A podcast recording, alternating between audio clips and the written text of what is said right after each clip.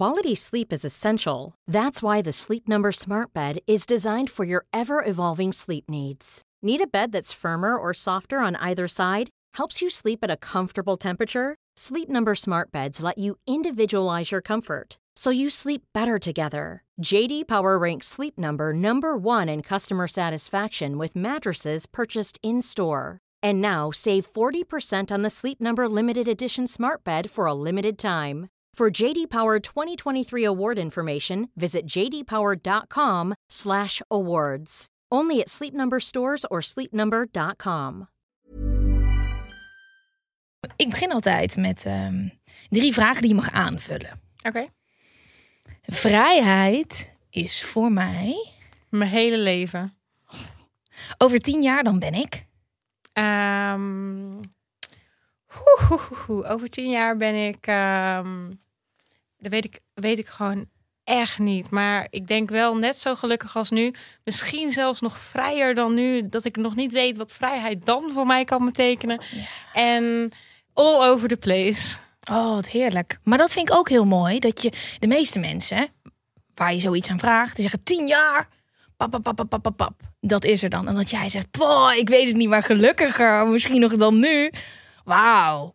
Vind Dat heel- sowieso. Vind ik een heel mooi antwoord. Dan, mijn missie is De wereld van werken veranderen. Period. de wereld van werken veranderen. Oh, ik heb heel veel zin in deze aflevering. We gaan beginnen. 3, 2, 1. Hallo allemaal. Ik ben Van Poorten hier. Leuk dat je luistert naar Met z'n allen de podcast. Deze podcast is voor iedereen en met iedereen. Vanuit onze studio in Amsterdam buigen wij ons over jullie ingestuurde vragen. Want samen is beter dan alleen. Iedere week schuift er iemand aan om zijn of haar wijsheden te delen. En deze week is dat.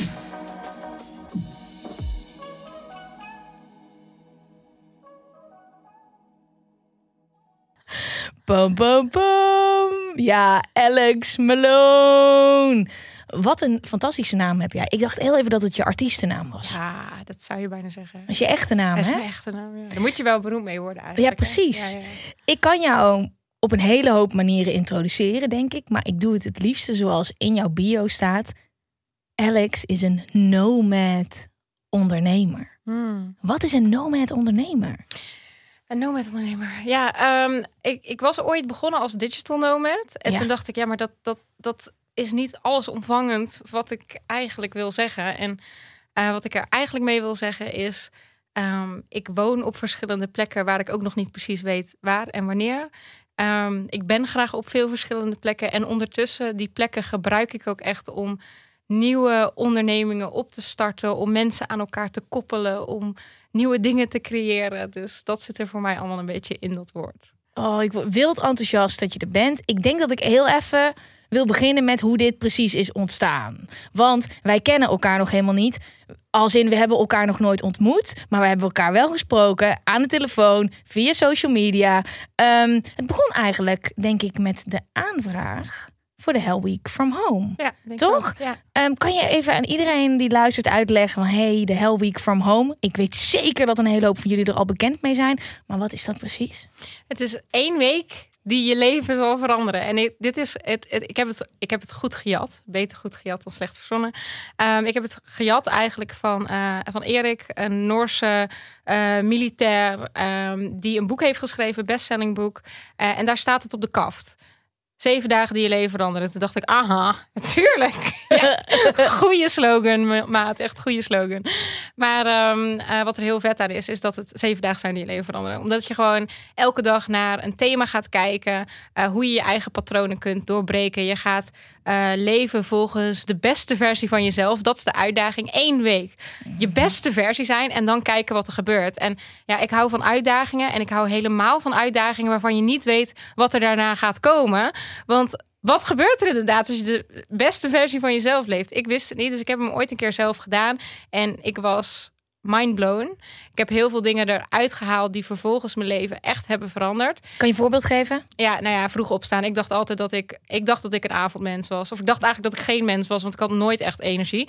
Eh, maar ik wist in ieder geval dat smiddags was niet mijn tijd, s'avonds was ook niet echt mijn tijd en s ochtends was het al helemaal niet. Dus ik dacht, ik weet niet, ik weet niet waar mijn energiemoment zit.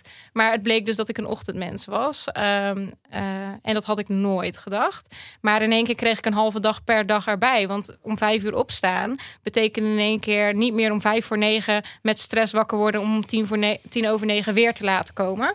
Ehm, dus ik had in één keer elke dag een halve dag erbij. En daar kon ik zoveel in doen. Nou, dat is één van de dingen die ik eruit heb gehaald. En ik dacht gewoon van, ja, kijk, ik ben zo'n zo'n gekke die dan zo'n boek zelf in mijn eentje dat gaat lopen te doen. Moet je echt discipline voor hebben. moet je echt discipline voor hebben. En moet je ook wel echt weten wat het je gaat brengen. Of in ieder geval nieuwsgierig genoeg zijn naar het onbekende. Om daar zo die discipline voor te laten staan. Ja. Nou, toen dacht ik van, dit is echt zo vet als we dat nou gewoon met een hele groep gaan doen en ik ga het begeleiden. Dan kunnen meer mensen dit gewoon gaan doen met die stok achter de deur. En dat is uiteindelijk het boek van de Helweek in combinatie met alle lessen die ik zelf heb geleerd vanuit het remote werken, vanuit het reizen. En dat heb ik allemaal zo samengepakt in de Hell Week from Home. Wauw. En hoe vaak heb je dit nu gedaan? Ehm zelf de Helweek of hem Nee, georganiseerd? begeleid, ja. ja, dit wordt nu in oktober de vierde keer dat we hem gaan hosten. En hoe lang is de tijd overheen gegaan? Ik heb het gevoel namelijk dat dit in de coronaperiode Ja, is. Het was echt dat het op een gegeven moment dat ik van alle kanten hoorde. Ik doe mee met de Hell Week. Ik doe mee met de Hell Week.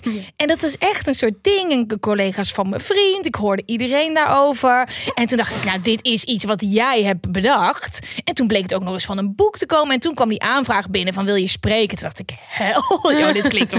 Maar hell yeah, tuurlijk, super vet. Ehm, vooral ook dat met z'n allen iets doen. En toen hebben wij ook met elkaar gekletst. En toen ging ik jou ook al volgen. Ik volgde jou daarvoor al volgens mij. Ik weet niet. Het is volgens mij in een soort van mix. Heb ik de hele tijd met mensen hier. Dat ik denk. Die, ik was het aan. Ja, alles komt dan zo samen. En ik zag je ook spreken in je stories. Toen dacht ik, ik wil dat je in de podcast komt. Want dit is perfect. En dit is ook zo'n mooi inspirerend verhaal. En ik krijg daar steeds snippets van mee online. Toen dacht ik, dit is een moment. Wij moeten gewoon lekker vol gas met elkaar in gesprek gaan. Ehm, met een beetje voor mij dan die Hell Week als startpunt. Wanneer is de volgende? Eh, 3 oktober. Deze komt uit op 5 oktober. Stel je voor mensen willen nog meedoen. Kan dat nog dan? Nee, Ga, hè? ik ga speciaal een actie voor hen maken dat ze gewoon de helft van de week mee kunnen doen. En dat ze dan volgend jaar nog een keer full mee kunnen doen. Oh, Tuurlijk, nice. regelen we. Oké, top. Ja, want het is wel lullig. Weet je, dan gaan mensen nu luisteren en denken ze, ik wil meedoen. Het is zo mooi. En ik heb daar, ik was een heel klein onderdeel daarvan. Die vibe, de sfeer, de spirit die iedereen heeft. Want ze komen daar allemaal met één reden of meerdere redenen, maar allemaal met hetzelfde doel. We Ja. gaan knallen deze week. We gaan er vol Ja. gas voor. En we gaan echt de beste versie van onszelf worden. Ja. Het is zo magisch. ja, het is leuk dat je dat zegt. Want we horen dat ook de hele tijd van onze sprekers terug van... What the fuck, deze groep stond zo aan. Ze waren zo ready voor alles wat ik te geven had. En dat is ook heel lekker om daarin te komen in dat in die energie. En die energie die zetten we wel echt, die bouwen we echt op met die hele groep. En dat is heel vet. En wat ook echt heel tof is, is dat ons team gaat zelf ook door het proces. Ik geloof ook niet dat je zo'n diep proces kunt begeleiden als je niet zelf meegaat. Dus ik zet me er helemaal voor open. Het hele team stelt zich ervoor open. En wij gaan ook gewoon de hele tijd erin mee. Dus dat is wel, ja, dat is, ik vind het ook echt elke keer echt heel vet om te doen. Wat kunnen ze verwachten van deze? Wat, wie zijn de sprekers? Wat gaat er precies gebeuren? Ehm, nou, er zijn zeven dagen dus. Elke dag heeft een thema, gewoontes, focusmodus, time management, out of your comfort zone. Ehm, kwalitatieve rust nemen om effectieve actie te nemen. Eh, je innerlijke dialoog, dus dat fucking stemmetje in je hoofd die je dan weer naar beneden loopt te lullen. Die gaan we ook aanpakken. En dan zondag gaat over het integreren van alles. Dus alles wat je hebt geleerd, dat het niet alleen bij die ene week blijft, maar hoe ga je er verder mee? Ehm, de out of your comfort zone dag is wel een leuke. We hebben echt de grote spreker, de grootste spreker die we ooit hebben gehad. De duurste spreker ook die we ook hebben gehad. Maar ehm, ik dacht out of your comfort. Het is een guy die echt out of your comfort gaat zijn voor iedereen. En niemand uit het team weet het, zelfs mijn compagnon niet. En ik heb hem dus ook nog, het is ook nog de duurste ooit. Dus ik heb akkoord gegeven op een bedrag waar zij geen akkoord op heeft gegeven. Dus we gaan allemaal uit of je comfortzone met deze gast spreken. Maar ik ga dus niet de naam noemen, niemand weet het. En, maar, maar het, is, het is een Nederlander. Het is een Nederlander. Oh, oké. Ik heb meteen een hele hoop. eh, maar oké, nee, ik kan het natuurlijk niet. Ik, ik, ik ben heel benieuwd. En voor de rest, ehm, in deze ehm, zeg maar, sommige mensen hebben vanaf de eerste keer gelijk vier keer gezegd: Yo, we gaan vier keer meedoen dit jaar. Ehm, en daardoor is het ook zeg maar echt de, de grand final van dit jaar. En we hebben straks gewoon nog drie maanden te gaan hè, vanaf, vanaf de eerste week van oktober. We hebben gewoon de eindsprint van 2021. Dit is zeg maar de week dat we gaan 1, 2021 maken gewoon met z'n allen. We hebben nog drie maanden. En weet je wel, in de eerste drie maanden van het jaar is iedereen altijd van... yes, nieuw jaar, ik heb er zin in. En dan die eerste drie maanden, iedereen smasht zijn doelen, weet je wel. Iedereen gaat, iedereen gaat. En dan in dat laatste kwartaal is het zo van... oké, we zitten er, we zijn er bijna. We gaan al richting de kerst. We gaan al richting de kerst. We gaan rustig afbouwen. Zo hebben vakantie gehad. Nog even een paar maandjes gewoon chillen richting de kerstvakantie en het nieuwe jaar. Nee nee, nee, nee, dit is het moment om 2021 te maken. Dus dat wordt echt de vibe van, van die Helweek. En uh, we hebben ook sprekers uitgenodigd die ook allemaal heel erg vanuit vrijheid ondernemen. Dus aan de ene kant gewoon weer de inhoud delen, maar wel zeg maar met dat doel.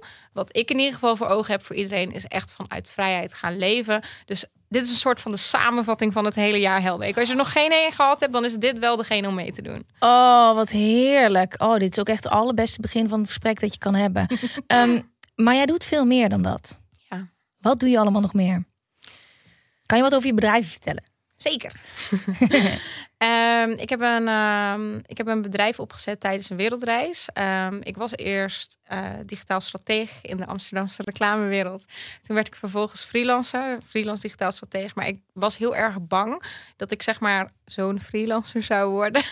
Zonder oordeel, maar wel, ik wilde het zelf niet. Ik wilde niet een freelancer worden die zeg maar precies voor allezelfde klanten ging werken. En eigenlijk gewoon mijn hele ritme precies hetzelfde aan zou houden. Alleen dan voor een uurtarief, waardoor ik meer zou gaan verdienen. Het was niet mijn doel om dat te gaan doen. Het was echt, ik wilde echt mijn hele levensstijl gaan veranderen. Dus ik dacht, als ik ga freelancen op een wereldreis, dan is het allemaal zo anders dat dan kan het niet anders dat het anders wordt. En ik wist ook niet hoe, maar dat was in ieder geval mijn visie. En toen heb ik tijdens mijn wereldreis mijn bureau opgezet.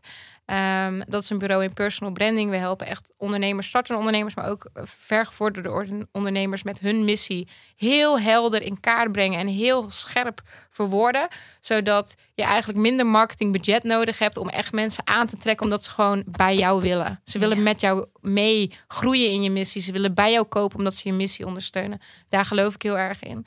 Um, het andere bedrijf, Meetings in the Sun, gaat over remote werken, andere mensen uh, vanuit vrijheid laten werken. Um, en daaromheen zitten denk ik nog wel een miljoen andere kleine projecten. Maar wat ik net zei, het is mijn missie om de wereld van werken te veranderen. En daar heb ik een hele duidelijke visie over. Ik geloof echt dat als mensen vanuit hun missie gaan werken, dat dat een hele andere manier van werken gaat zijn. Het brengt veel meer werkgeluk, brengt meer energie. Uh, ik geloof dat onze huidige werknorm, dus het 9 tot 5 werken op vaste plekken, dat dat de twee belangrijkste dingen eigenlijk van ons mensen afneemt, namelijk onze tijd en onze energie. En ik geloof dat mm. als je op een andere manier leert werken, dat je juist tijd kunt creëren en dat je energie kunt creëren.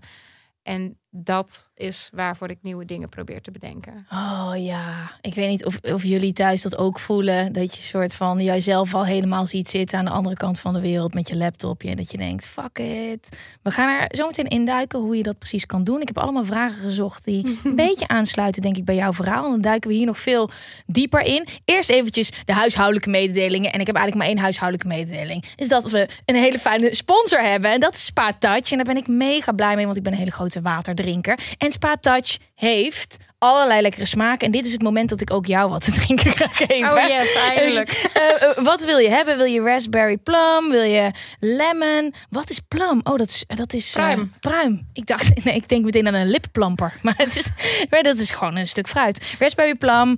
Um, watermeloen kiwi ga ik voor. Ik ben eigenlijk benieuwd naar allebei. Mag oh, je mag alles openmaken. Ik wil eigenlijk allebei ja, het, het, is um, mineraalwater met een smaakje, bruisend en niet bruisend. Ik vind deze allebei erg lekker. Ja? Ja, ja ik, dit is die watermeloen. Maar ik proef hier geen kiwi in. Ik proef vooral watermeloen, toch? Oh, ik proef juist heel erg kiwi. Oh. Ik proef heel erg... Ik proef Nee, ik proef meer watermeloen. Maar er zit statiegeld op. Ga testen, ga zelf op ontdekking, op ontdekkingstocht of op avontuur, want er zijn nog veel meer smaken. Maar dit waren de huishoudelijke mededelingen. En dankjewel Spaatouch dat jullie erbij zijn. Um, dan gaan we door met de eerste vraag.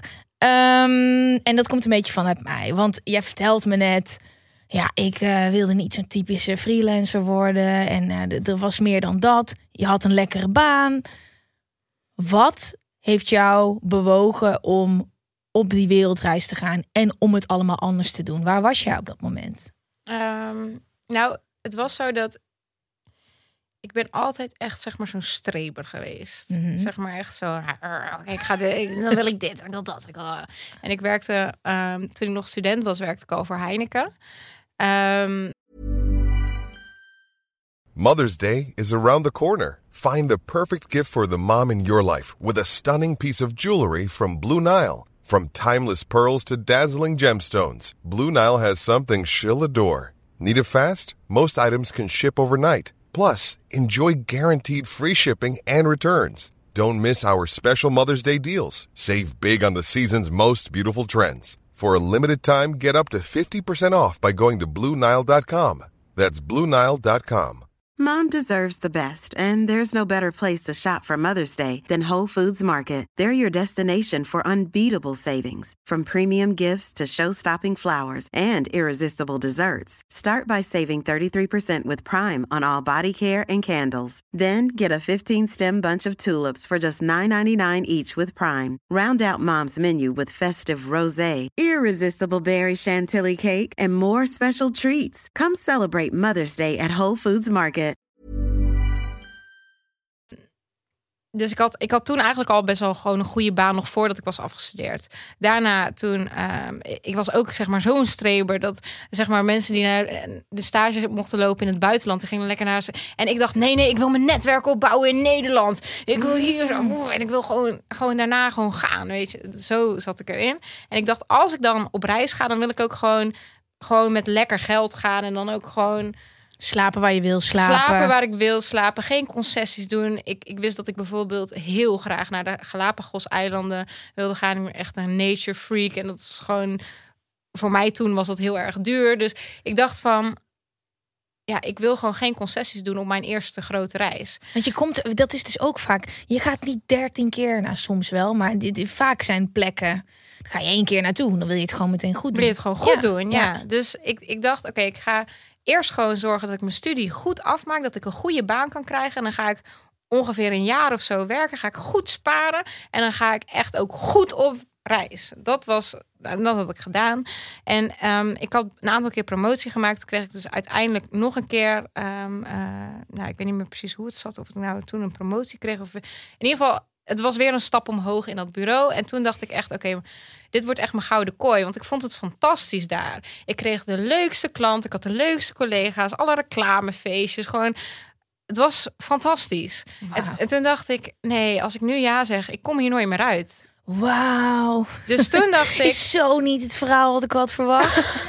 ja, ik denk, jij zit daar ergens kwijnend achter een bureau en je zag geen zon. En dat je dit helemaal dood te gaan daar. En het is, oh wat goed. Hoe oud was je toen? 21. Wauw, Ja. dat is zo krachtig. Maar het is ook een beetje waar wat jij zegt. Want het was allemaal fantastisch. Ja. En het was ook zo. Ik ben creatief. Was toen ook creatief. Maar mijn creativiteit werd ingepland. Dus zeg maar, je hebt projectmanagers en accountmanagers. En dan is het zo van: Oké, we hebben deze vette nieuwe briefing voor je. En dan gaan ze die briefing vertellen. En dan zit ik zeg maar als een kwijlend hondje. Ja, ja, ja, ja. ja. Oké, we hebben tijd voor je ingepland. Volgende week dinsdag om vier uur. En dan kan je eraan werken. En dan moest ik dan weer terug in mijn hok. en dan moest ik zeg maar nu even gaan werken aan deze deadline die ik dan minder inspirerend vond. Omdat ik die briefing twee weken geleden had gekregen. En Wow, ja, ja, ja. ja, ja. en ja. dat is gewoon niet hoe creativiteit werkt. En dat begon ik toen eigenlijk al te beseffen. Kon ik toen nog niet zoveel woorden aangeven. Maar toen dacht ik wel, dit klopt gewoon niet. Het klopt gewoon niet dat zeg maar de reclamewereld ook wordt bestempeld als de meest creatieve branche. Mhm. Maar ondertussen is het zo planmatig en gestructureerd opgezet dat eigenlijk de creativiteit er als het ware uitloopt. Maar de creativiteit is niet meer leidend. De structuur en de planning is leidend. En als creatief merkte ik dat ik elke dag met meer lood in mijn schoenen ging. En ik dacht, hoe kan dat nou? Hoe kan ik nou mijn baan zo leuk vinden? Hoe kan ik nou zo ambitieus zijn? Hoe kan ik nou zoveel willen en zoveel te geven hebben en toch elke dag minder energie voelen? Mhm. Toen dacht ik, moet, ik moet gewoon weg, want ik weet het antwoord hier ook op niet. Wauw. Maar toch, ondanks dat het dan zo leuk is, heel even kijken of we wel draaien hoor. Dat is wat mijn ergste. Als ik het Oh, verhaal leuk vind wat iemand vertelt, heb ik ergens zo'n stemmetje in mijn hoofd. Dan staat hij wel aan. Hij staat aan. Ehm, maar zo bijzonder, want dat is ja, de drijfveer. Er, er moet wel echt iets in je zitten, een stem, die er dan toch voor zorgt dat je weggaat. Want het is allemaal best wel comfortabel en er ligt ook een lekker pad voor je. Ja. En toch besluit jij dan, grote kans, nee, nu niet. ja, Maar wat dan? ja. Want je weet niet waar het vandaan komt. Je hebt ook niet meteen het antwoord. Nee. En dat is dus denk ik, ik heb hier ook wel vaker over nagedacht. Het lijkt soms alsof zeg maar wat andere mensen oncomfortabel voelen, dus vinden, dus zeg maar het niet weten, lijkt wel alsof dat juist mijn comfortzone is. Als zeg maar dat vind ik dus onwijs spannend en dan word ik helemaal nieuwsgierig van en denk ik, oh da- daar wil ik dus dan naartoe. Dus het zou eerder buiten mijn comfort zijn om zeg maar te blijven zitten en to stick with it en er doorheen te gaan. Dus en daar ben ik me ook wel echt heel bewust van. Want soms denk ik ook, oké, Alex, gewoon stick to the plan nou. Gewoon niet, want het is ook ergens natuurlijk. En deze vraag is ook wel vaak gesteld. Is het, is het gewoon vluchten? Mhm. Ja, daar vraag ik me dan ook wel vaak af. Van, ja, is het gewoon vluchten? Nou, ik, ja, ik heb het gevoel van niet. Ik heb het gevoel ook van Nee, niet. ik heb het gevoel van niet. Nee. Maar dan eh, ga je daar dus weg. Dan zeg, dan zeg je ook, oké jongens, vet leuk hier, maar er is iets anders. En toen? En toen, toen was ik een half jaar in Zuid-Amerika en ehm, toen voelde ik het voor het eerst hoe het is om echt gelukkig te zijn. En ik voelde het echt in heel mijn lichaam. En je kent het gevoel natuurlijk gewoon alsof je gewoon helemaal uit je lichaam klapt. Alsof al je cellen gewoon aan het trillen zijn. Alsof gewoon dat de tranen uit je ogen springen omdat de wereld zo fucking mooi is. En dat je gewoon zoveel fucking geluk hebt dat je hier gewoon bent. En om je heen kijkt en dat je denkt, oh my god, ik kan gewoon alles doen wat ik wil. En ik hoef met niemand rekening te houden. En, en het is gewoon één groot avontuur. En dan gebeurt dit en dan gebeurt dat. En ik dacht, dit is hoe geluk voelt. En dat was toen ik het besluit had genomen. Ik ga nooit meer oké zijn met 25 vakantiedagen die ik ook nog moet opvragen. En dat ik ook nog nee zou kunnen horen. Het is toch mijn tijd. En dat vond ik toen in één keer zo absurd dat ik mijn vakantie moest aanvragen terwijl ik zo hard kon werken. Die ging er gewoon vanaf toen niet meer in. En toen dacht ik, oké, ik, ga, ik ga voor mezelf in ieder geval beginnen. Ik ga in ieder geval dat ik mijn eigen tijd mag bepalen. Eh, dat was een hele duidelijke realisatie in die, in, in die eerste reis. Het tweede was ook dat ik dacht van... Oké, ik, ik, ik heb voor Heineken gewerkt, ik heb voor Gros gewerkt. De ene, ene week was ik dan aan het roepen dat Heineken het best was... en dan daarna Gros. En, en niks tegen Heineken of Gros, maar ik dacht gewoon... Wat? gewoon, wat maakt het uit? Mhm. En ik merkte heel erg dat ik zelf uit een, een, een maatschappij eigenlijk heel graag wilde stappen. Waar ik dus uit was gestapt in Zuid-Amerika. En dat ik dacht van, ik ben mensen aan het overtuigen om shit te kopen die ze eigenlijk niet per se nodig hebben. Mhm. Ja, ja, ja, ja, ja. En dat voelde niet meer goed. Dus toen dacht ik, oké, ik, ik weet dat ik goed ben in verhalen vertellen. Ik weet dat ik goed ben in campagnes bedenken. Maar ik wil het niet meer doen voor de consumptiemaatschappij... waar ik zelf eigenlijk ook niet meer op die manier in wil zitten. Ja. Dus dat was de tweede realisatie. En, En dus echt het gevoel hebben van ik wil iets bijdragen. Oké, Ja. dus ik, ik wil wel meer vrijheid. Dat is één, die voel ik. Maar ik wil ook ja, mijn iets- skills ja, inzetten. ja, voor iets goeds. Ja. dat. En toen wist ik dus nog niet hoe en wat. En ik wist dat het iets met verhalen te maken had. Iets van verhalen vertellen, maar ik wist niet hoe of wat. En toen dacht ik, nou, ik ga gewoon iets beginnen. En ik, heb, ik ben begonnen met een travel platform. Een ehm, Story of My World heette het.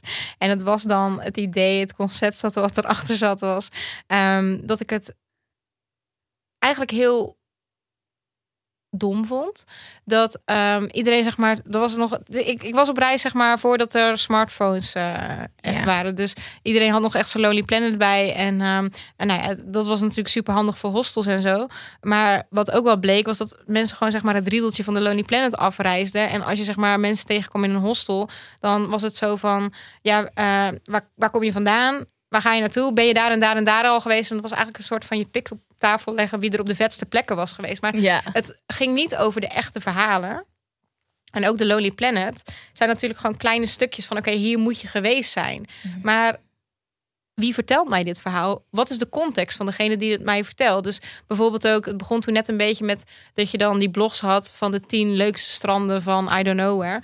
Maar als, als ik niet weet wie mij vertelt wat de tien leukste stranden zijn, zou ik zeg maar uit kunnen komen bij de tien leukste stranden. Wat allemaal van die uh, beachbeds zijn met, van, uh, in Saint-Tropez, waar ik zeg maar uh, gezien en gezien. Dat is, is, is helemaal perfect, maar het is niet mijn soort strand. Mm -hmm. Ik wil zeg maar een strand waar ik van kliffen af kan springen en um, uh, waar mensen naakt zwemmen in de golf, weet je wel.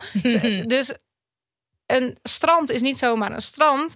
Een strand wordt een strand door het verhaal eromheen van degene die het vertelt en jouw eigen beleefwereld bij dat strand. De Story of My World ging er dan over dat het allemaal verschillende verhalen van allerlei verschillende soorten reizigers waren en dat je op allerlei verschillende soorten manieren een land kon gaan ontdekken door verhalen. Dus we hadden ook bijvoorbeeld geen top 10 lijstjes of we hadden alleen maar verhalen en in die verhalen zaten dan verborgen tips die je alleen omhoog kon krijgen omdat je een connectie maakte met die persoon. Nou, Vet. dat was één grote flop. maar... oh, wat goed. Oh, wat goed.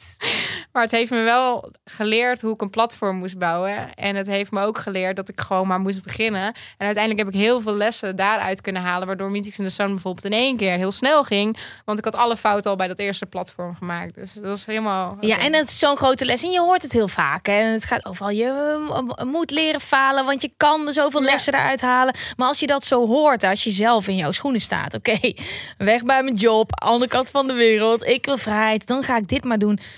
Je moet ballen hebben om daar te staan. Als je er nu op terugkijkt, je voelt het misschien als de normaalste zaak van de wereld. Maar daar staan en ook daadwerkelijk dan maar een platform opzetten. Hmm. Zo kwetsbaar. Mm. Nu kan je terugkijken en zeggen: Oh ja, maar vet veel van geleerd. Maar fuck, iets gaan doen. En je komt uit de reclamewereld en dan: Nee, dit ga ik nu doen. En ik geloof in dit platform. Het is wel zo kwetsbaar voor iedereen die nu thuis met een idee zit en denkt: Oh, ik weet het niet. Begin Ja, gewoon. echt. Gewoon doen. Ja. Maakt geen ruk uit wat andere mensen daarvan denken. En hoe unieker, hoe beter. En hoe gekker mensen je verklaren, hoe, eigenlijk hoe, hoe beter, Ja, toch? Echt, echt. Wat vond je omgeving ervan dat je dit pad koos? Want het is best wel out of the box. Zeker in Nederland, zeker toen. Ja, zeker toen inderdaad. Want er waren toen nog bijna geen eh, reisplatformen ook. Omdat het dus inderdaad... ja, het was dus inderdaad de Lonely Planet. En ehm, weet ik eigenlijk niet meer zo heel erg. Ik, ik, ik weet wel dat... ehm, ik, ik had toen een, vriend. Ik heb tien jaar lang een relatie gehad. En hij was ondernemer. Eh, hij had twee bedrijven. Hij had een van de eerste coworking spaces van Europa. Twaalf jaar geleden opgezet. Dus hij, had, hij deelde ook wel mijn visie hierin. En hij heeft me vooral ook echt heel erg aangemoedigd. En hij was echt mijn cheerleader. En voor de rest heb ik eigenlijk niet geluisterd of niet gekeken. Ik had dat idee. Ik geloofde er echt in. En blijkbaar had ik maar één iemand nodig die zei: Ik zou het doen. Oh, wat fijn. Ja. Maar zo krachtig, hè? Hoe je als een partner, zeg maar, hoe zeg je dat in het Nederlands? Het klinkt zo stom, maar zeg maar je each other's flames kan. eh, ja, ja, ja. de- de- hoe de firestarter. Firestarter, ja, maar dat is als je partner al iemand is die zegt: Dit gaat hem niet worden, dit zou ik niet doen. En alles in twijfel trekt, dat, dat is dat, Ja. je partner is echt belangrijk. Ja, daarin. want dat is toch echt je. ja, als die al zegt en niet, niet in je gelooft, ja. Ja. Soms kan het ook wel. Juist dat je denkt, oké, maar ik ga je al laten zien. Ja, motherfucker. Ja, maar het moet wel op een gezonde Ja, ja, manier. het moet wel op een gezonde manier. Ik heb een vraag die hier, denk ik, heel erg goed bij aansluit. En dan zet ik een leuk muziekje aan. Wow, die staat een beetje hard. Met plezier luister ik al een tijdje naar je podcast, maar ik wil toch eens even een vraag aan je stellen. Ik worstel al mijn hele leven met een angst voor nieuwe dingen doen. En dit beperkt me erg in het dagelijks leven, zoals voorheen bij bijbaantjes en leren autorijden, maar ook nu ik een jaar werk merk ik toch nog vaak dat ik nog vaak angstig ben voor nieuwe dingen en ze niet aanga. Hoewel ik ergens wel weet dat ik ze best zou kunnen. Ik vraag me af of jij en je gast tips voor me hebben. Alvast bedankt en ga zo door met de podcast. Groetjes, Lieke. Ten, ten, ten, ten. Ja, dit is mijn antwoord hierop is iets waarvan ik vind dat jij een koningin bent. Dat is uit je comfortzone gaan. Ehm, voordat we hier lekker advies op gaan geven, wat is voor jou het moment dat je het meeste uit je comfortzone bent gegaan? Iets waarvan je denkt, oef, Ja, ja. ja. Het zijn natuurlijk een hele hoop Het zijn, ja, er Ja. er echt kan ook iets heel voorbij. kleins zijn hoor. Maar het is uiteindelijk toch, het is echt toch afgelopen jaar geweest. Ja? Ja, het is wel echt afgelopen jaar geweest. Dus eh, zeg maar die, die, die wereldreis en mijn bedrijven opzetten en die eerste reis en ontslag nemen. Dat, dat voelde voor mij allemaal nog wel een beetje zo van... Oké, ik voel echt heel duidelijk dat dit het goede is. En ehm, het, ik vond het wel spannend. Maar mijn onderbuikgevoel won het zeg maar wel echt. En afgelopen jaar merkte ik echt dat ik ook wel met trillende handjes ooit wel echt dingen heb gedaan. En dat het ook nog, dat mijn emoties ehm, eigenlijk iets anders zeiden. Dus bijvoorbeeld zo'n wereldreis. Dat was allemaal ook excitement en blijdschap. Maar bijvoorbeeld dat ik eh, nadat ik een, een huis heb gekocht... ehm, mijn relatie dus van tien jaar met iemand waar ik echt superveel nog steeds van hou, maar wat gewoon niet meer werkte, toch heb uitgemaakt, een busje heb gekocht, midden in de heftigste lockdown, gewoon toen België potdicht zat, gedacht van oké, maar ik zie wel hoe ver ik kom. Ja, dat was wel dat ik dacht van oké, en, en ook gewoon met heel veel verdriet en gewoon een, een soort van gevoel van oké, ik heb gefaald en ik heb gefaald naar hem toe en ik heb, weet je, daar kwamen heel veel ook negatieve emoties bij en Mhm. daardoor wist ik het ook niet helemaal zeker. Ja. Maar toch doorgegaan en toch, want ergens voelde ik wel hetzelfde gevoel wat ik daarvoor voelde. Dus ik dacht, ja, ook al ben ik verdrietig en ook al zegt iedereen dat het nu echt niet kan en dat nu niet het moment is en dat het niet mag en dat ik tegen regels inga, ik ga het toch doen. Dat was wel de meeste uit mijn comfort. En wat is het grote cadeau dat je daarvoor teruggekregen hebt? Mijn leven nu, ja, gewoon. Ik woon nu op Ibiza en ik ben echt motherfucking gelukkig. Ik heb een nieuwe date die gewoon echt alles is wat ik eigenlijk echt probeerde te creëren met mijn ex in die laatste paar jaren. En ehm, ja, Ja, want ik doe nu, zeg maar, ik ben niet heel verbaasd in deze podcast, want ik weet dit allemaal. Ja. Dus ik kan niet gaan acteren van, Nee. nou, ja, maar voor iedereen die luistert en denkt, ja, ik ben dit super lijp verhaal. Waarom doe je zo? Ja, dit is echt mega lijp. En ik zag dit zo aan de zijlijn zo. En ik zag dus ook een hele hoop mensen die wij soort van indirect, want jij kent Nanne natuurlijk ook. En ik zag altijd allemaal soort van, ook dat mensen jouw stories deelden. Van, wow, zij is gewoon met een busje helemaal naar Ibiza gereden ja, over uit je comfortzone eh, gaan gesproken. Ja. Insane. Ehm, dat betekende ook dat jij dus... Je had op dat moment geen huis. Je dacht gewoon, ja, ik, waar ga ik wonen? Ga ik me ergens settelen? Nee, ik ga gewoon een busje ja. kopen en ik ga er gewoon voor. Ja, ja, dat was wel echt, dat is echt een kinderdroom. Ik tekende vroeger huizen op wielen. Ik, ik, ik, ik fantaseerde echt. Ik had ook van die dromen, die heb je misschien ook wel eens ooit gehad. Dat je van die dromen hebt dat je dan nog niet kunt autorijden. En dat je dan zeg maar zo achter een, dat je dan in een auto gaat rijden. En ik fantaseerde dan over hoe ver dan de benzine mij zou brengen. En dat ik dan daar zo zou stoppen. En dat ik dan, ach zo lief, een heitje voor een karweitje zou gaan doen. En dat ik dan van dat heitje voor een karweitje, dat ik dan daar mijn benzine van zou kopen. En dan kijken waar ik dan weer verder uit zou komen. Ehm, en dat was een soort van mijn ultimate droom. Totdat een vriendin tegen mij zei, die zei... Hoezo eh, heb je dat dan nog niet gedaan? Toen zei ik, ja, maar dan moet ik eerst nog dit en dat en dat. En ik, moet di- ik wil dit nog behalen in mijn bedrijf. En ik vind dat ik hier nog meer impact moet maken. En toen, ja, zij reageerde dus ook zo van... Ja. Girl, get over yourself. Gewoon, waarom niet nu? Gewoon, wat ben je... Zo, ze, ze, ze zei zelf, het is zelfkastijding. Want je bent gewoon jezelf nu al aan het straffen... dat je niet nog meer doelen hebt behaald. Het is dat ook hebben we allemaal. We En, hebben het allemaal. en het is zo gek dat ik betrap mezelf er ook soms op. Dat er allemaal van die mijlpalen in je leven. Nee, dit pas als ik dit. En dan dat Ja. ik besefte, maar eigenlijk is dat er allemaal. Maar het is gewoon weer een nieuw doel geworden. Ja, Dus dat, je hebt allemaal van die regeltjes die je met jezelf afspreekt. Waar je ook niet echt heel vaak over praat met andere mensen. En dat zit dan in je hoofd. Daar leef je naar. Terwijl het is gewoon de blauwdruk van je leven. Ja, dat. En jij had in één keer een soort van openbaring. Ja, zij zei dat. Toen dacht ik, ja, je hebt ook echt helemaal gelijk. En toen kwam deze bus op mijn pad via een vriendin. van Je noemt hem. Broes, hè? Broes, hij is zo mooi. En ik stapte in die bus en ehm, de stoel was bekleed met mijn tatoeage. En ik stapte in die bus en er zaten allemaal dingen in dat ik dacht, dit is gewoon mijn bus. En toen zei zij ook zo van, ja, we gaan hem verkopen. Ik zo, ik wil hem. Dit is mijn bus. En nou ja, we hebben het ook niet echt over prijs of zo gehad. Het was gewoon, oké, dit is hem gewoon. En toen ben ik daarmee naar Ibiza inderdaad gereden. En toen in Ibiza ook weer, zeg maar, door duizend rare paadjes en dingetjes en samenlopen van omstand, omstandigheden was er in één keer een huis op een pad samen met Maaike. Ja. En ehm, eh, wij, ik ging daar kijken. Eh, en ik dacht dat het zeg maar zoiets was, een inventarisatie. En toen zei ze van, en hoe voelt het? Ik zei, ja, het voelt wel goed. Ze zei, nou, oké, we moeten dan wel nu de aanbetaling doen. En ik dacht zo, oh, oké. Nou, toen hebben we het heel even snel gehad over, waarom willen we dit eigenlijk met elkaar doen?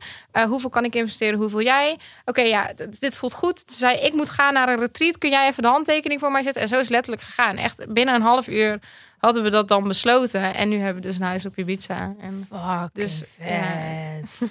Zo mooi verhaal, maar zo mooi hoe je ook ziet dat alle puzzelstukjes zo in elkaar vallen en dat alles klopt. Ehm, de vraag gaat natuurlijk over angstig zijn. En en dat hebben een hele hoop mensen. Dingen die nieuw zijn, zijn vaak een beetje eng. heb jij dat ook? Mm, Nee, ik heb een, een beetje raar daarin. nee, ja, ik heb echt al vanaf dat ik een rijbewijs had, dat ik dacht, ja, ik heb gewoon 18 in 17 jaar in hetzelfde dorp gewoond. Oh, dan krijgen we allemaal mensen die boos worden. Ude is een stadje. Het is geen dorp. ja, dat, het, ik mag het geen dorp meer noemen. Maar ehm, ja, ik was gewoon iemand die naar buiten keek en de lampen van de discotheek zag uit mijn slaapkamerraam. En ik was heel lang heel verlegen. Dat veranderde een beetje toen ik 14, 15 was. Op een gegeven moment, ik had zo'n drang om te knallen. En om, ja, Maaike, daar hadden we het net al over. Ja, ik had me, stond ingeschreven bij allemaal modellenbureaus. Ehm, ik mocht in de Jimmy Woo werken. Ik ging dansen in clubs. Nou, ik was gewoon overal en nergens. En ik ben daar. Ik ben zo gaan bluffen in alles wat ik deed. Ik heb mijn eerste baantje midden in de crisis. Toen echt niks werkte. Wilde ik stewardess worden. Nou, dat was echt, alles ligt plat. Ben ik gewoon een sportschool binnengelopen waar ik vaak iemand kende. En ik zei, nou, mijn ouders hebben een sportschool. Ik geef al heel mijn leven sportles. Alles kan ik. en ze hebben me gewoon aangenomen binnen een dag. En dan moest ik mijn vader bellen. Ik zei, pap, ik heb een baan in Den Haag. Oh, echt de mensen die dit horen, waar ik, ik heb gewoon jarenlang les gegeven aan mensen. Echt volle groepen, hè. Soms echt. Ik heb wel een Zumba-opleiding gehad, dus de mensen die Zumba van me hebben gehad, ik wist waar ik mee bezig was. Maar ik kon niks, ik kon niet tellen op de muziek, kon helemaal niks, maar ik had wel een baan. Eh, toen heeft mijn vader me in één weekend leren tellen op muziek. En toen stond ik daar maandag gewoon Taibo te geven. Ja, ik heb wel, mijn ouders hebben een sportschool, maar daar was gewoon alles mee gezegd. En ik ben achtergronddanseres voor Gerard Joning geweest, terwijl ik niet kon dansen. Ook heen Zijn gebluft. beelden van? Ja, gewoon bij Live for You en zo. En dan zie je ook dat ik helemaal, helemaal kut. Ja, ik dacht gewoon, kan dit? Dan ga ik het gewoon proberen. En ik heb niks te verliezen. Dus dan ook gewoon, ja, ik kan wel dansen doen. Dan ze mij gevraagd of ik choreografie wilde doen. Toen dacht ik, kan ik kan niet. Dat doen we niet. Het waren allemaal van die meiden van Lucia Martas. Dan hadden we een hele ochtend om dan die routine te leren. En dan moesten we naar Live for You. Ja, dat is voor danseressen heel leuk. Het is echt heel makkelijk. Maar nee, nou... Ook Ging je er langs? ja, Ja. ja. al in de, in de, de voorbereidingen. Dan ke- keek die, die, dat management van eh Gerard keek echt. En die kleine in het midden. Ja, maar zo heb ik heel veel van dat soort dingen gedaan. Gewoon op bluff. Ehm, omdat ik die uitdaging daar wel in zie. Ja. Ehm, dus ik, ik voel me ook heel comfortabel buiten mijn comfortzone. Ehm, maar ik hoor Nou ja, vaak... buiten de comfortzone van anderen dan. Ja, Eigenlijk, ja. Ja, Ja, ja. Je hoort heel vaak. Ja, ik hoor heel vaak van mensen dat ze echt het, het eng vinden om bijvoorbeeld Hmm. alleen op reis te gaan. Of eng vinden om een andere baan aan te nemen. Heb jij tips? Hoe, hoe zet je jezelf voor het eerst daar buiten? Hoe gooi je jezelf buiten je comfortzone? Hoe pak je dat aan voor dummies? Er is geen, er is geen uit je comfortzone voor dummies. Zou wel een goed, goed boek zijn. Zou een goed boek zijn. Ehm, ja, ik vind het wel lastig, omdat ik denk dus inderdaad dat er gewoon echt verschillende. Er zijn natuurlijk heel veel verschillende soorten mensen. En wij lijken een beetje dat ene mens die zeg maar gewoon eh, alles wat we niet kennen gewoon vet vinden en het gaan proberen en dan wel zien. Ehm, maar ja, ik snap ook dat er mensen zijn die dat niet op diezelfde manier zeg maar zo hebben. En ook ehm, angst is natuurlijk iets wat, wat, wat eigenlijk een soort van ingeprogrammeerd wordt. Hè? En het wordt ingeprogrammeerd door, eh, door, door je omgeving, door je ouders, door je vrienden. Ehm, dus maar eigenlijk mijn eerste, mijn eerste tip zou zijn: ga je omringen door andere geluiden dan angstgeluiden. Dus luister lekker vaak naar jouw podcast. Kijk naar, jou, naar jouw stories. Kijk naar mijn stories. Kijk naar andere stories. ehm, en, en, en andere geluiden die, die iets anders laten zien dan waar jij bang voor bent. Want het kan. Het kan. En jij kunt het, ik kan het. Dus dat betekent dat, dat anderen het ook kunnen. Het is niet onmogelijk. Ehm, dus ik denk dat dat het eerste stapje echt een stukje bewustwording is over je eigen angst. En eh, een stukje bewustwording waar die angst vandaan komt. En van wie die angst ook komt. Is het die van jezelf? Of is het die van de normen van de maatschappij waar we allemaal in zitten. En als je dat weet, dan kun je ook de keuze gaan maken van... oké, weet je, ik weet dat het daar vandaan komt. En wij, wij wisten dat ook. Wij kenden die angsten ook, want die zijn ook op ons geprojecteerd. En toch hebben wij de keuze gemaakt dat wij benieuwd zijn naar hoe het anders kan. Dus wij hebben ergens ook de keuze gemaakt van... oké, we kunnen kiezen voor deze angst... maar wij kiezen voor de, voor de nieuwsgierigheid. En bij ons is het de eerste keer goed gegaan... Of in ieder geval avontuurlijk gegaan. Hilarisch gegaan. Er zijn leuke dingen uitgekomen. Waardoor je het een tweede keer nog makkelijker kunt. En de derde keer nog Dat makkelijker. is het. Als je dat het één keer hebt gedaan, Ja. is het daarna niet meer zo moeilijk. Maar ik denk dat het voornamelijk zit op dat stukje bewustzijn van de angsten en waar die angsten vandaan komen. En dan de keuze durven maken. En je kunt het proberen in eerste instantie met iets kleins, wat zeg maar niet gelijk doodeng voelt, maar gewoon een beetje exciting voelt. Ja, en dan je grenzen zo verleggen. En ga ook gewoon even na, wat is nou het ergste dat er kan gebeuren? Goeie. En ik, ik heb al heel lang dit in mijn hoofd. En dat zeg ik ook tegen vrienden. En ik heb ook echt vaak hele domme shit gedaan. Met dit als motivatie. Uiteindelijk zit je aan de keukentafel met al je vrienden en vriendinnen. En dan spelen er kinderen in de tuin. En dan wil je toch gewoon een goed verhaal hebben dat je kan ook. vertellen. Dat is wat ik dacht. Oké, dit kan heel erg fout gaan. Maar je wilt toch gewoon dat er goede verhalen verteld kunnen worden. Waarom altijd maar op safe spelen? Je wilt toch van die shit meemaken dat je denkt, oh. En dan in het moment zelf ga je natuurlijk kapot. Maar daarna is het gewoon een goed verhaal. En ik heb zo vaak ook gekke shit met gasten. En met dat ik dacht, nou, is wel een goed verhaal. Achter aan de keukentafel. Heb je Ja. veel goede verhalen? Nou ja, ik heb ze dus niet allemaal opgeschreven. Maar er waren tijden dat ik gewoon vier avonden in de week... als een soort van kanonskogel hier door de stad heen ging. En ook niet meer precies wist wat er allemaal gebeurde. Ja, dat, ja. Maar ik had gewoon die drang, die nieuwsgierigheid. Als je, ik denk echt dat dat is... Kijk, mijn vriend komt uit Amsterdam. Die is hier opgegroeid. Die vindt dat allemaal maar normaal. Die is gewend om zoveel keuzes te hebben. En ik dacht echt... Dit is een fucking speeltuin. Alles kan hier, alles mag hier. Ik kan overal naartoe. Hoe kan ik daar binnenkomen? Ik lulde mezelf vroeger al toen ik net presenteerde. Altijd binnen op festivals. Dan hadden we helemaal geen accreditatie. Zei ik gewoon dat we een weet ik veel. Ik lulde mezelf vroeger al naar binnen op de manier dat ik uiteindelijk naar binnen ben gekomen. Ik heb één keer op Ibiza. Ik weet, hoe heet die tent met dat dakterras? Ga, je, ga jij veel uit? Is dat nu? eh, Ja, maar er hebben heel veel tenten een dakterras. Het is de am- amnesia. Ah, oké. ja. ja. En eh daar ging ik gewoon met de vriendinnen naartoe. En dan zei ik gewoon dat ik hun agent was. En zei ik, zij is presentatrice, zij is dit, zij is dat. En dan lulde ik ons gewoon aan de tafel alsof ik die had ge zeg maar gehosseld. Zeg maar wat ik wat ik Dat wat ik nu vet. ja, maar toen was ik echt 18 hè. Kun- Kun je dat niet nu nog doen met een of andere grote jacht of zo waar we onszelf op kunnen? Ja, maar bestel je voor, ik was 18. Wat voor fucking freakshow ik was. En dan ging ik gewoon met mijn grote bek zo naar de... Ik, ik snap niet waar ik dat... En dan gewoon op de VIP staan met allemaal mafkezen. Omdat ik had... Ik was ook heel boos geworden, omdat ze die tafel dus hadden weggegeven. Dat bestond helemaal niet. Maar ja, ik weet niet waarom ik hierop kom. Om, jij haalt allemaal Ibiza-herinneringen in mij naar boven. Maar wat heerlijk dat jij daar je plekje hebt gevonden. Ja. Dat is echt droom, Ja, toch? Ja, het is echt heel fijn. Het is echt, het is ook zo'n ander, het is gewoon zo'n ander leven ineens. Gewoon vorig jaar, letterlijk vorig jaar, had ik nog die relatie. Hè? Had ik nog een koophuis in, eh, in Eindhoven. En nu, Wow. en nu heb ik dus een huis in Ibiza met 20.000 vierkante meter grond en mijn eigen veggie garden en een, en een zwembad en 10 minuten fietsen van het strand. Ja. Dit is bizar. Laat dit dan, hè, voor als antwoord op jouw vraag. ehm, hoewel ik ergens best wel weet dat ik het best wel zou kunnen, laat dit dan inspiratie voor je zijn. Kijk wat er in een jaar kan gebeuren. Ja. Je kan van een koophuis in Eindhoven met een relatie op Ibiza belanden met je eigen huis, alles erop en eraan. Door gewoon een, en zet een eerste stap. Zet, een, eerste stap.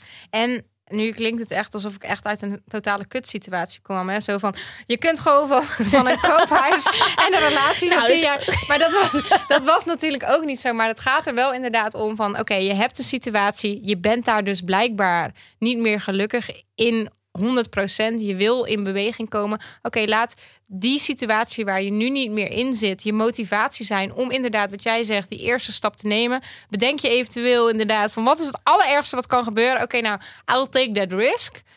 En dan gewoon gaan. Heerlijk. Wij gaan eh, even de podcast in tweeën hakken, want we, we doen altijd twee delen. Dus dit is deel 1. Oké. En eh, ik weet zeker als je nu aan het luisteren bent dat je zin hebt in deel 2. Dus dit was hem. En eh, op naar de volgende. En als kind naar je ouder ehm, heb je een, een, een zo'n grote liefde en zo'n grote dankbaarheid als het goed is. Waardoor je zeg maar bijna niet boos kan worden over een paar van die dingetjes die dan je eigenlijk toch wel heel veel pijn hebben gedaan. Dat had ik in ieder geval heel lang. Ik weet niet wat de toekomst me gaat brengen. En dat vind ik fijn. Dus I don't care. Ik hoef daar ook niet naar te kijken. Ik zie het wel.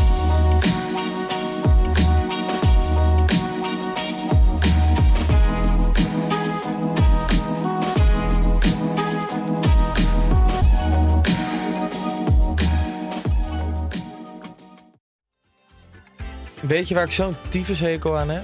Toeristen, als het te druk is in de stad, zelf koken. Ja, alles wat je nu zojuist benoemt. En daarom maken jij, denk ik, Daan Hogevorst, En Robert Rodenburg. een podcast waarin we alleen maar klagen. Want klagen is HET medicijn tegen het collectieve leed wat maandag heet. Dus elke maandagochtend een nieuwe te horen op je favoriete podcast-app. Maandag Klaagdag!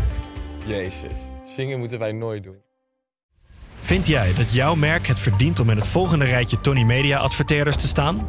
Bol.com, Google, HelloFresh, Samsung, Coca-Cola, Land Rover? Dat kan, zolang je maar betaalt. Mail naar adverteren@tonymedia.nl.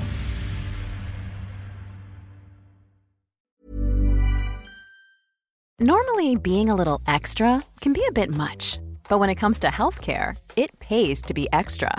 And United Healthcare makes it easy with Health Protector Guard fixed indemnity insurance plans. Underwritten by Golden Rule Insurance Company, they supplement your primary plan, helping you manage out of pocket costs without the usual requirements and restrictions like deductibles and enrollment periods. So when it comes to covering your medical bills, you can feel good about being a little extra. Visit uh1.com to find the Health Protector Guard plan for you.